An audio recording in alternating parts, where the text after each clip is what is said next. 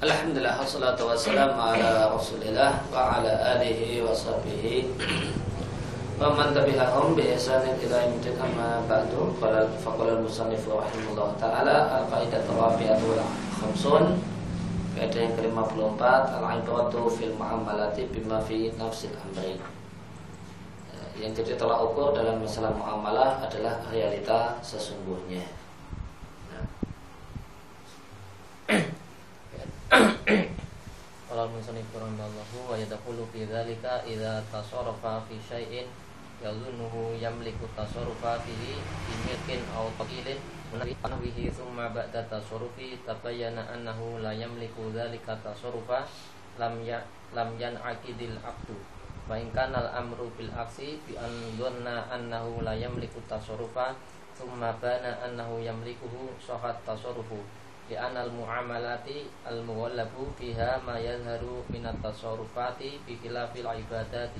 Nah, maka termasuk dalam kaidah ini jika ida tasarrafa jika seseorang melakukan tindakan dalam sesuatu yang dia kira kalau dia punya kemenangan untuk melakukan tindakan tersebut karena sesuatu tersebut miliknya atau dia menjadi wakil pemilik atau semacam itu.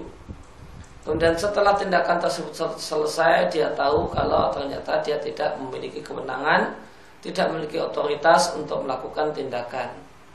Maka lam yan akid al akdu maka akad tidak sah. Baik kenal al amru bil aksi, namun jika sebaliknya dia mengira kalau dia tidak punya otoritas untuk melakukan satu tindakan, kemudian dia nekat melakukan tindakan, Sumabana kemudian jelaslah kalau dia memiliki otoritas untuk melakukan tindakan maka sahlah tindakannya. Di anal muamalat maka karena apakah muamalah al mughallabu al mughallaba fiha yang dimenangkan dalam muamalah adalah apa yang nampak dari berbagai macam tindakan bikhilafil ibadat lain halnya dengan perkara ibadah Abu Hasnah مثال ذلك شخص تصرف في شيء يظنه ملكه ثم تبين أنه لا يملك التصرف فيه فالعقد غير صحيح لأنه لم يم لأنه لم يملكه ولو تصرف في بيت ظنا منه أن صاحب الذي كان يرث كان يرثه قد مات ثم تبين أنه لم يمت فالبيع لا يصح اعتبارا بما في نفس الأمر والعكس بالعكس فوضع البيت وهو يظن أن صاحب الذي يرث منه حيا حي حي لكنه تعد تعدى عليه تعدى عليه وباعه ثم بان أن مورثه قد مات وأن البيت حين بيعه كان في ملكه فهنا يصح البيع لأنه باع ما في ملكه فإذا قال قائل إن البائع قد باعه وهو يعتقد أن صاحبه حي وإذا كان صاحب وإذا كان صاحبه حيا وإذا كان صاحبه حيا فالبيع غير صحيح فنقول وباعه على أن صاحبه حي وتبين أنه ميت وهو الوارث وهو الوارث وهو الوارث له فيكون قد باع ما يملك فعلى هذا ينفذ ينفذ البيع بيع فعلى هذا ينفذ البيع لأن العبرة بما في نفس الأمر لكن يأسم على تصرفه ببيع شيء يعتقد أنه ليس له Nah, contohnya adalah seorang yang melakukan satu tindakan pada satu barang yang dia kira kalau barang itu miliknya. Kemudian dia tahu kalau dia tidak punya kuasa otoritas untuk melakukan tindakan tersebut maka akad tidak sah. Karena dia tidak memilikinya. Maka dia jika melakukan tindakan dalam bentuk menjual rumah karena dia mengira bahasanya sahib pemilik rumah Allah dikana yarithuhu yang si penjual ini adalah ahli warisnya. Dia mengira si pemilik sudah meninggal dunia sehingga rumah itu menjadi miliknya kemudian uh, kemudian dia tahu kalau ternyata si pemilik rumah belum mati maka jual beli tidak sah iktibaran bima finafsil amri dengan mengacu kepada realita sesungguhnya Sebaliknya adalah sebaliknya. Seandainya seorang menjual rumah dan dia mengira bahasanya pemilik rumah yang dia adalah ahli warisnya itu masih hidup, akan tapi dia tak ada alaihi ingin berbuat zalim kepada pemilik rumah sehingga dia nekat menjualnya. Dan bana jelaslah. Dan dia tahu kalau muarif orang yang akan memberikan warisan kepadanya ternyata telah meninggal. Sehingga rumah tersebut saat transaksi jual beli realitanya adalah miliknya. Maka jual beli sah. Karena dia menjual miliknya jika ada yang bertanya sehingga penjual menjualnya adalah, adalah uh, pada saat dia meyakini kalau pemiliknya masih hidup. Maka jika pemiliknya masih hidup maka berarti kan jual beli harusnya tidak sah. Maka kita katakan dia menjualnya ala dengan keyakinan bahasanya pemiliknya itu masih hidup. Namun e, tabayana ternyata diketahui kalau meninggal dunia dan dia adalah ahli warisnya maka dia telah menjual miliknya. Apa yang jadi miliknya? Maka berdasarkan hal ini yang fudu al bay'u maka jual beli itu sah. Karena dalam jual beli dalam muamalah al ibrata bima fi amri. Yang jadi tolak ukur adalah realitas sesungguhnya saat transaksi. Cuma ini kita cuma bicara sahnya akan tapi dia berdosa atas tindakannya menjual sesuatu dalam kondisi dia meyakini kalau itu bukan miliknya. Ya, maka ini kalau bicara sah maka melihat realita. Ya, melihat realita. Realitanya itu miliknya maka sah. Namun jika saat dia menjualnya dia meyakini itu bukan miliknya maka dia berdosa Kenapa berani melangkah ya, Melakukan penjualan Pada saat dia meyakini kalau itu milik orang lain. Bikhilafil ibadah beda dengan masalah ibadah.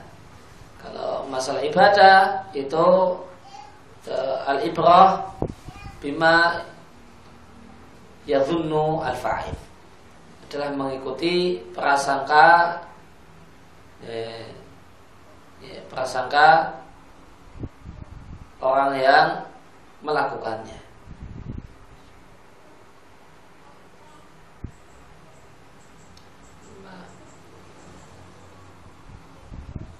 Maka ketika seorang itu merasa bahwasanya waktu duhur belum mulai, belum tiba, perasaan dia, dan dia sholat dalam keadaan e, meyakini ya kalau waktu duhur belum tiba, namun ya, maka dia meyakini itu sholat tidak sah.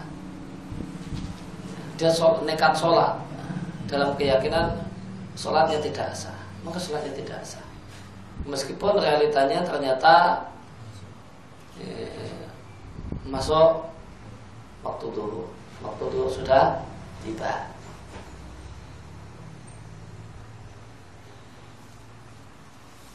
Maka kalau dalam masalah ibadah yang jadi tolak ukur adalah perasaan dan keyakinan al-fa'il bukan realitanya. Dan kalau dalam masalah al-muamalat, maka yang jadi tolak ukur adalah realitanya. Dan kaidah yang ke-55 tidak ada udur, tidak ada alasan bagi orang yang mengakui.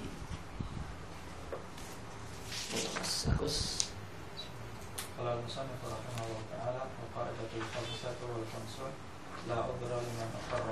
وذلك أن الإقرار أقوى البينات وكل بينة غيره فإنه يحتمل خطأها. وأما إذا أقر المكلف الرشيد على نفسه بمال أو حق من الحقوق ترتب على إقراره مقتضاه حتى ولو ولو قال غلبت أو غلبت أو غلبت. أو غلطت أو نسيت. لأنه ثبت عنه صلى الله عليه وسلم أنه قال إنما أقضي بنحو ما أسمع ومسائل الإقرار الكثيرة ترجع إلى هذا الأصل Nah, dari hal tersebut karena pengakuan adalah bukti yang paling kuat. Karena semua bukti yang lain itu mungkin salah. Adapun jika seorang mukallaf dan dia rasyid bukan safi Akar ala nafsihi mengakui kalau ala nafsihi dia punya kewajiban. Ala nafsi menjadi bebannya uh, punya kewajiban uh, atas uh, terbebankan pada dirinya malin uh, kewajiban berkaitan dengan harta atau hakim dan hukuk atau satu kewajiban tarataba ala ikrahi maka berdampak ala ikrahi pengakuannya tersebut muqtadahu tuntutan konsekuensi dari pengakuan. Ketika seorang mengaku ya betul saya punya utang kepada si A 50 ribu. Ya, maka dia punya wajib bayar utang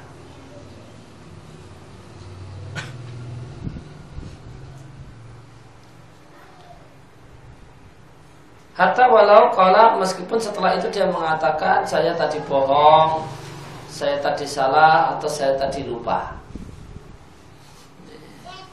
Maka uh, ikrar dalam uh, dalam hukum kinas tidak boleh diralat.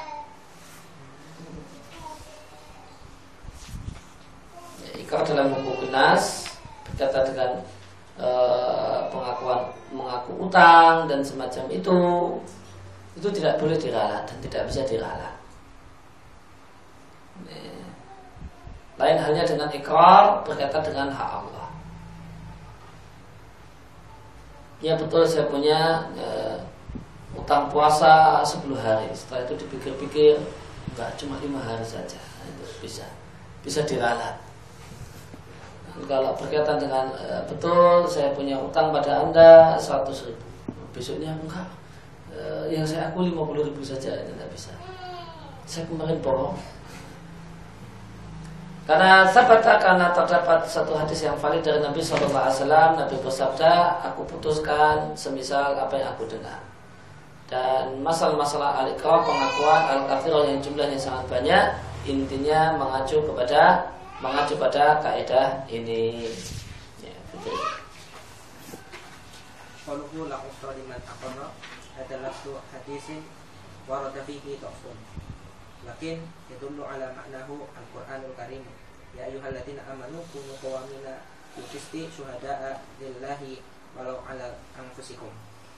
Wa syahadatul insani ala nafsihi hiya iqrar fala qudra lahu hatta law qala akhtatu aw nasitu. Falau aqarra wa qala indi li fulanin alfu riyalin Tumma qala inni nasitu aw ghalattu fa inna inna ma hiya khamsu mi'a khamsu mi'atu riyalin fa naqulu innaka qad aqar innaka qad aqarta aqrarta walazim walazimaka ma aqrarta bihi illa idza kana al muqirru al muqarru lahu idza kana al muqarru lahu yusaddiquka bi ruju'ika fal hasil ana ruju'a ana rujuk al mukir ana rujuk rujuk al mukirri an an ikrarihi fi ma yata'allaqu bi haqqil adami fa khairu maqbulin.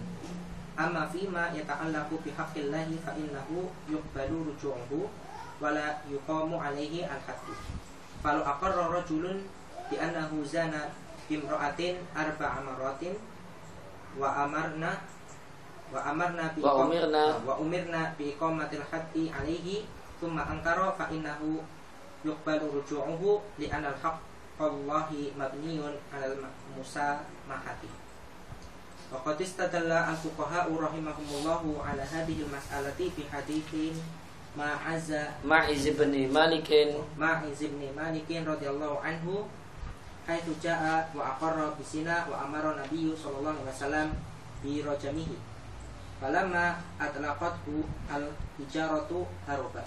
Falahiqahu as-sahabatu radhiyallahu anhum hatta atraquhu wa rajamuhu famata. Faqala Nabi sallallahu alaihi wasallam hala taraktumuhu la'allahu ayyatuba fayatubu fayatubu Allahu alaihi.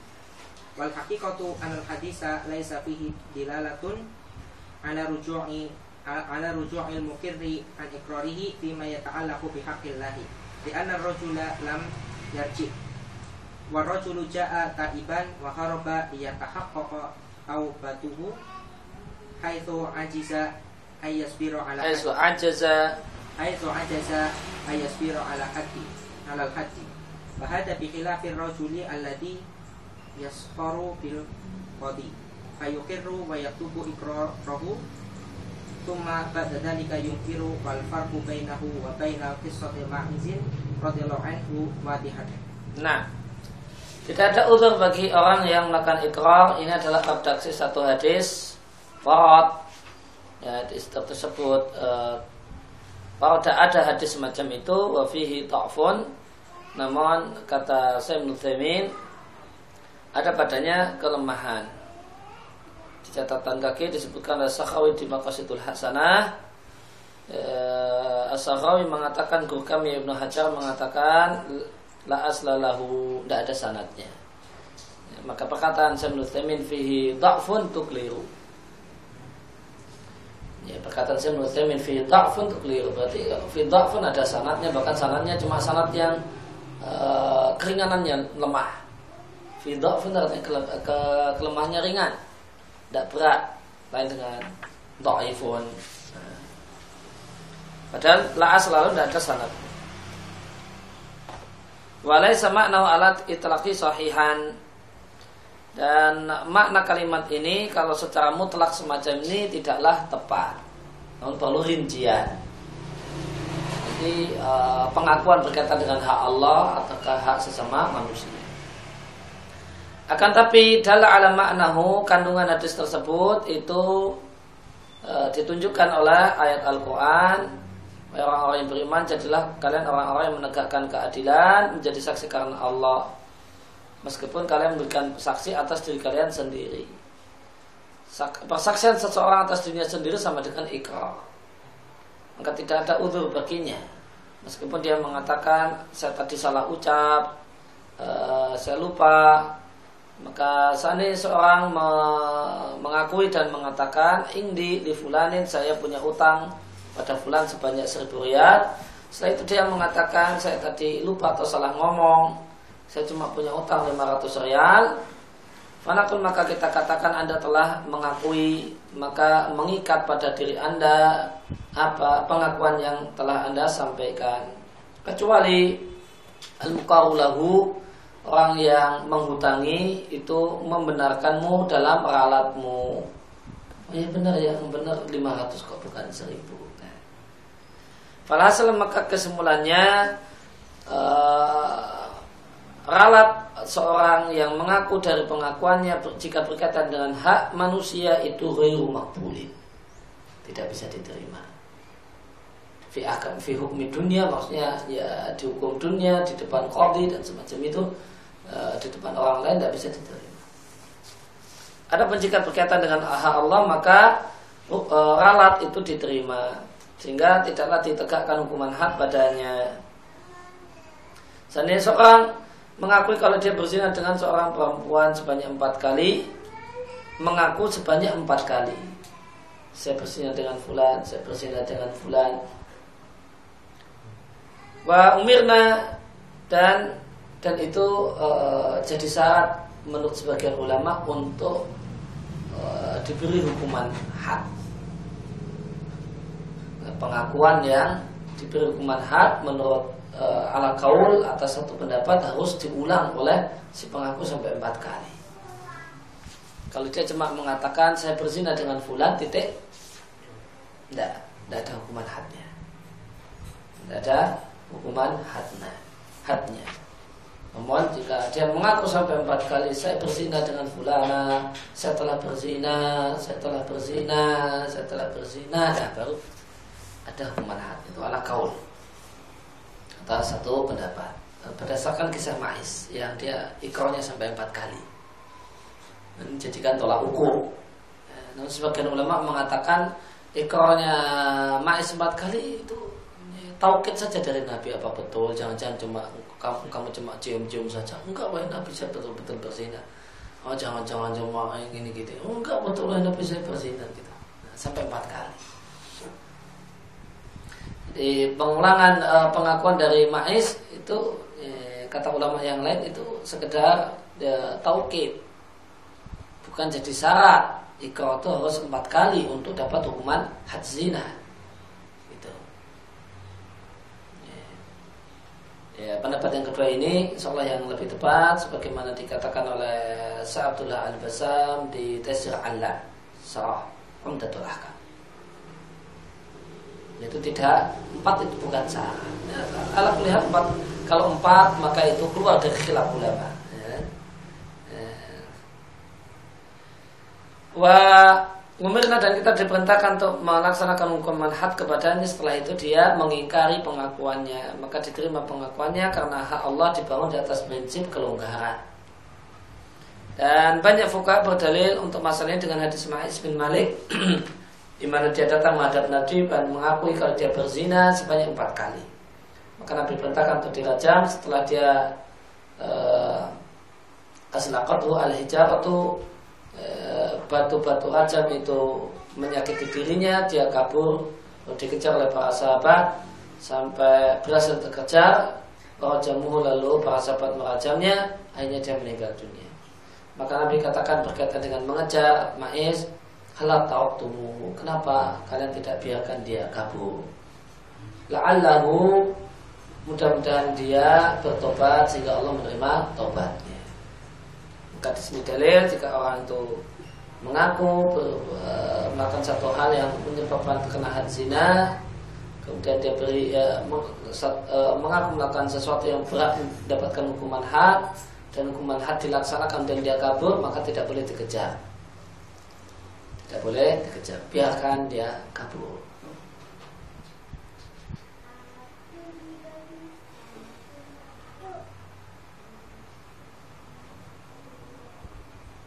Namun kritik saya Nutaimin kepada perbuatan para fukuha wal pada uh, sebenarnya hadis di atas tidak ada tidak mengandung uh, berkaitan dengan pembatalan orang yang mengaku dan uh, yang membatalkan pengakuannya berkaitan dengan hak Allah.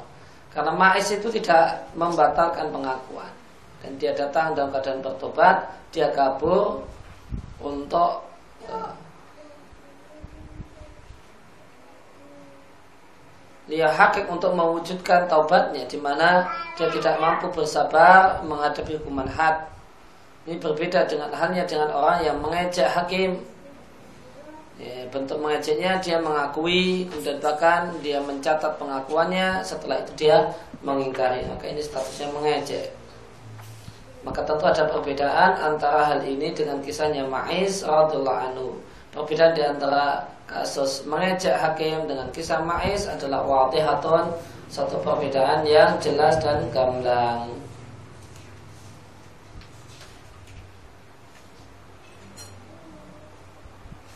Ya, Satria.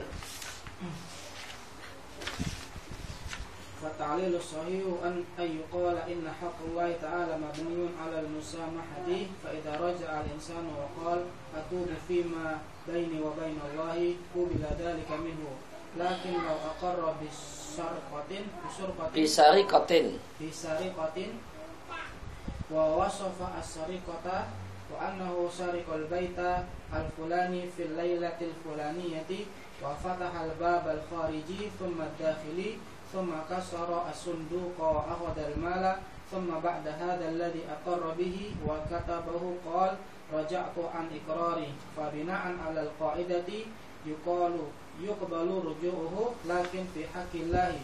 أما في حق المسروق منه فإنه لا يقبل رجوعه. li'annahu haqqun adamiyun wa haqquhu mabniyun 'alal masyahati.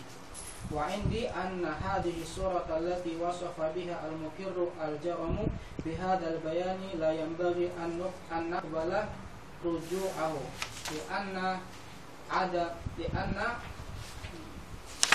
li'an adama qabuli ruju'ihi min islahil khalqi. Id inna kulla insanin idza sariqa Sarikotan Masdarnya sarikotan Sarikotan kotan. ilal qadi Wa rufi'a ilal qadi.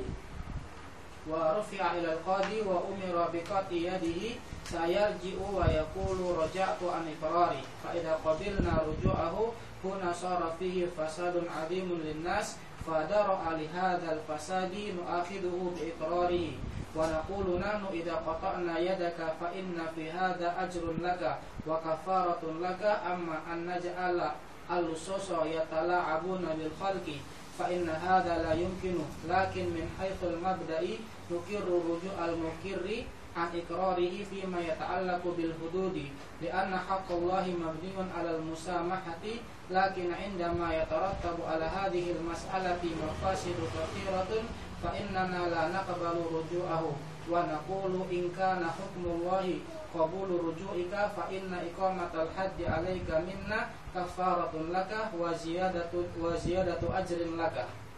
Wa qad dzakaru anna amiral mu'minin Umar bin Al-Khattab radhiyallahu anhu ata bi sariqin fa umira bi yadihi. Fa rajulu mahlan ya amiral mu'minin wallahi ma syarik ma syariktu illa bi يريد أن يدفع القطع عن يد عن نفسه وهو ينهو بهذا بهذا الكلام إلى مذهب الجبرية فقال أمير المؤمنين عمر رضي الله عنه ونحن لا نقطع يدك إلا بقدر الله فأمحمه مع أن أمير المؤمنين إنما يقطع يده بقدر الله وبشرع الله وهو إنما قد شارك بقدر الله لا بشرع الله فتكون إقامة الحد عليه a'dhara min min sariqati wa warada fi ba'dha inna ma aqdi binahwi mimma asma'u wal ma'na mutaqarib. Nah. Maka beliau eh, nggak uh, sepakat berdalil dengan kisah Ma'is untuk mendalili kaidah uh, eh, ralat berkaitan dengan hak Allah itu diterima. Fatahlil asahi maka alasan yang benar ayukal kita katakan hak Allah itu dibangun di atas prinsip longgar. Maka jika seorang itu meralat dan mengatakan aku bertobat antara aku dengan Allah maka diterima hal tersebut darinya. Akan tapi seandainya dia mengakui kalau mencuri. Dan dia pun mendeskripsikan aksi pencurian. Dia katakan bahasanya dia mencuri rumahnya si A di malam B. Dan dia buka pintu luar, setelah itu pintu dalam, setelah itu dia uh, hancurkan uh, kotak simpanan emas, kemudian dia ambil emas yang ada di dalamnya. Kemudian ba'da setelah ini, setelah pengakuannya dan pengakuannya itu telah ditulis dia mengatakan aku cabut pengakuanku. Maka berdasarkan pada kaidah kita katakan e, pencabutan diterima. Akan tapi diterima untuk hak Allah. Yaitu hukuman hak. Wahadu wahaku mabdun e, wa ama fi hakil masruq adapun hak orang yang dicuri Fa'inau la yuqbal ruju'uhu maka tidaklah diterima ralatnya karena ini adalah hak manusia dan hak manusia dibangun di atas prinsip pelit tidaklah uh, tidaklah selesai kecuali jika dia relakan. Nah, uh, ini di pendapat pribadiku bahasanya uh, contoh kasus yang pencurian di mana al-mukir orang yang mengaku itu mendeskripsikan kejahatannya bihadal bayan dengan penjelasan semacam ini tidaklah sepatutnya kita terima ralatnya. Di anak ada makubuli rujuihi karena tidak menerima ralat pengakuannya ini memperbaiki banyak orang memberikan kebaikan pada banyak orang karena setiap orang jika mencuri satu kasus pencurian warufi'a kemudian dilaporkan ke kodi kemudian diperintahkan untuk dipotong tangannya maka dia akan meralat dan mengatakan aku mencabut pengakuanku. Maka jika kita terima pencabutannya dalam kasus ini, jadilah di sini kerusakan yang besar bagi masyarakat. Maka dalam rangka mencegah kerusakan ini, nu'akhiduhu bil ikrah. Kita tetap menghukum dia berdasarkan pengakuannya. Dan katakan kami jika kami potong tanganmu maka eh, dalam hal tersebut terdapat pahala bagimu dan penghapus dosamu. Adapun jika kita jadikan para pencuri bisa mempermainkan masyarakat, mungkin ini tidak mungkin kita lakukan. Ya. Demikian catatan beliau untuk kasus di atas. Lakin min haisul mabda, namun dari sisi prinsip, nukiru rujuan mukiri an Kita menerima ralat dari orang yang mengaku yang meralat pengakuannya jika itu berkaitan dengan hudud. Karena hak Allah dibangun di atas prinsip kelonggaran. Akan tapi mana uh, uh, indah pada saat yang tetap berdampak pengak, uh, penerimaan uh, penerimaan pengakuan yang berdampak pada banyak hal-hal negatif maka kita tidak terima alatnya dan kita katakan ya, jika hukum Allah telah menerima alatmu maka laksanakan hukuman had padamu adalah kafarah bagimu dan tambahan pahala bagimu. Ya, ringkasnya ya, berarti uh, ralat berkaitan dengan hak manusia ya, maka itu tidak bisa tidak bisa diterima kecuali yang beliau katakan kecuali jika yang punya hak membenarkannya. Dan ralat berkaitan dengan hak Allah itu diterima.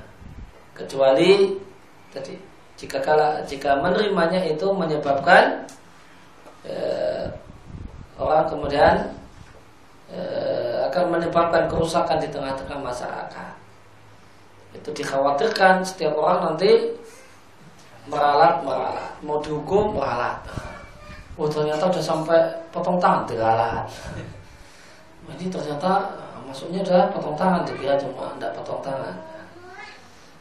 Maka eh, dan dicontohkan dengan manakala dia eh, pengakuannya itu sangat deskriptif sangat detail maka dia uh, bisa dia cerita bisa cerita detail itu bukti kalau itu betul. Betul kalau itu betul. Dan itu kaidah wartawan kaidah wartawan saya pernah tanya sama Pak Harton Ahmad Jais karena dia eh, di websitenya itu naik muka kan ngutip-ngutip berita eh, padahal dia nggak ngerti. Ini gimana itu caranya? Ya. kalau bisa yakin ini benar gitu. Banyak berita di internet misalnya kok.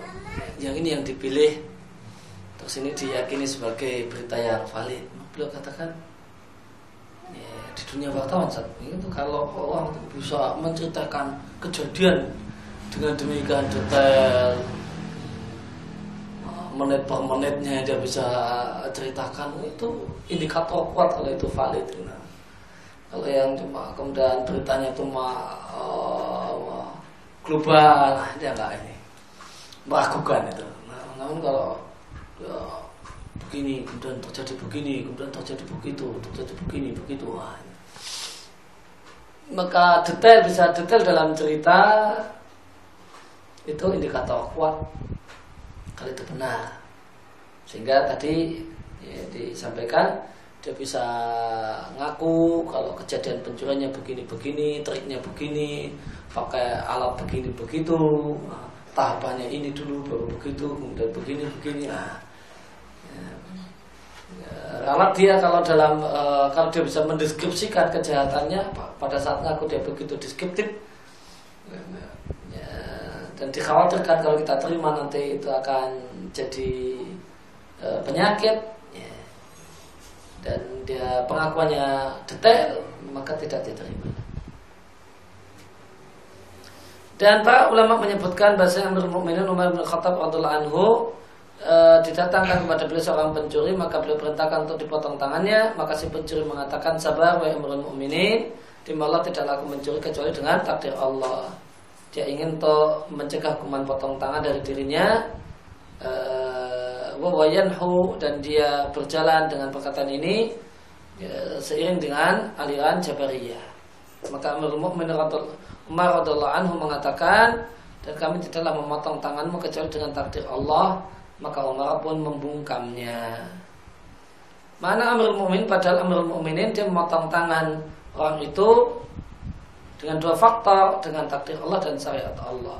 Sedangkan dia mencuri dengan e, takdir Allah tidak tanpa syariat Allah. Maka melaksanakan hukuman had padanya itu akdar itu lebih di, bisa dimaklumi daripada pencurian yang dia lakukan. Berkaitan dengan inama akdi binahi asma sebagian redaksi in nama akadi binahwi mimma ada mimnya ya mimma asma. Dan maknanya mirip-mirip atau sama-sama. Kurang lebih sama.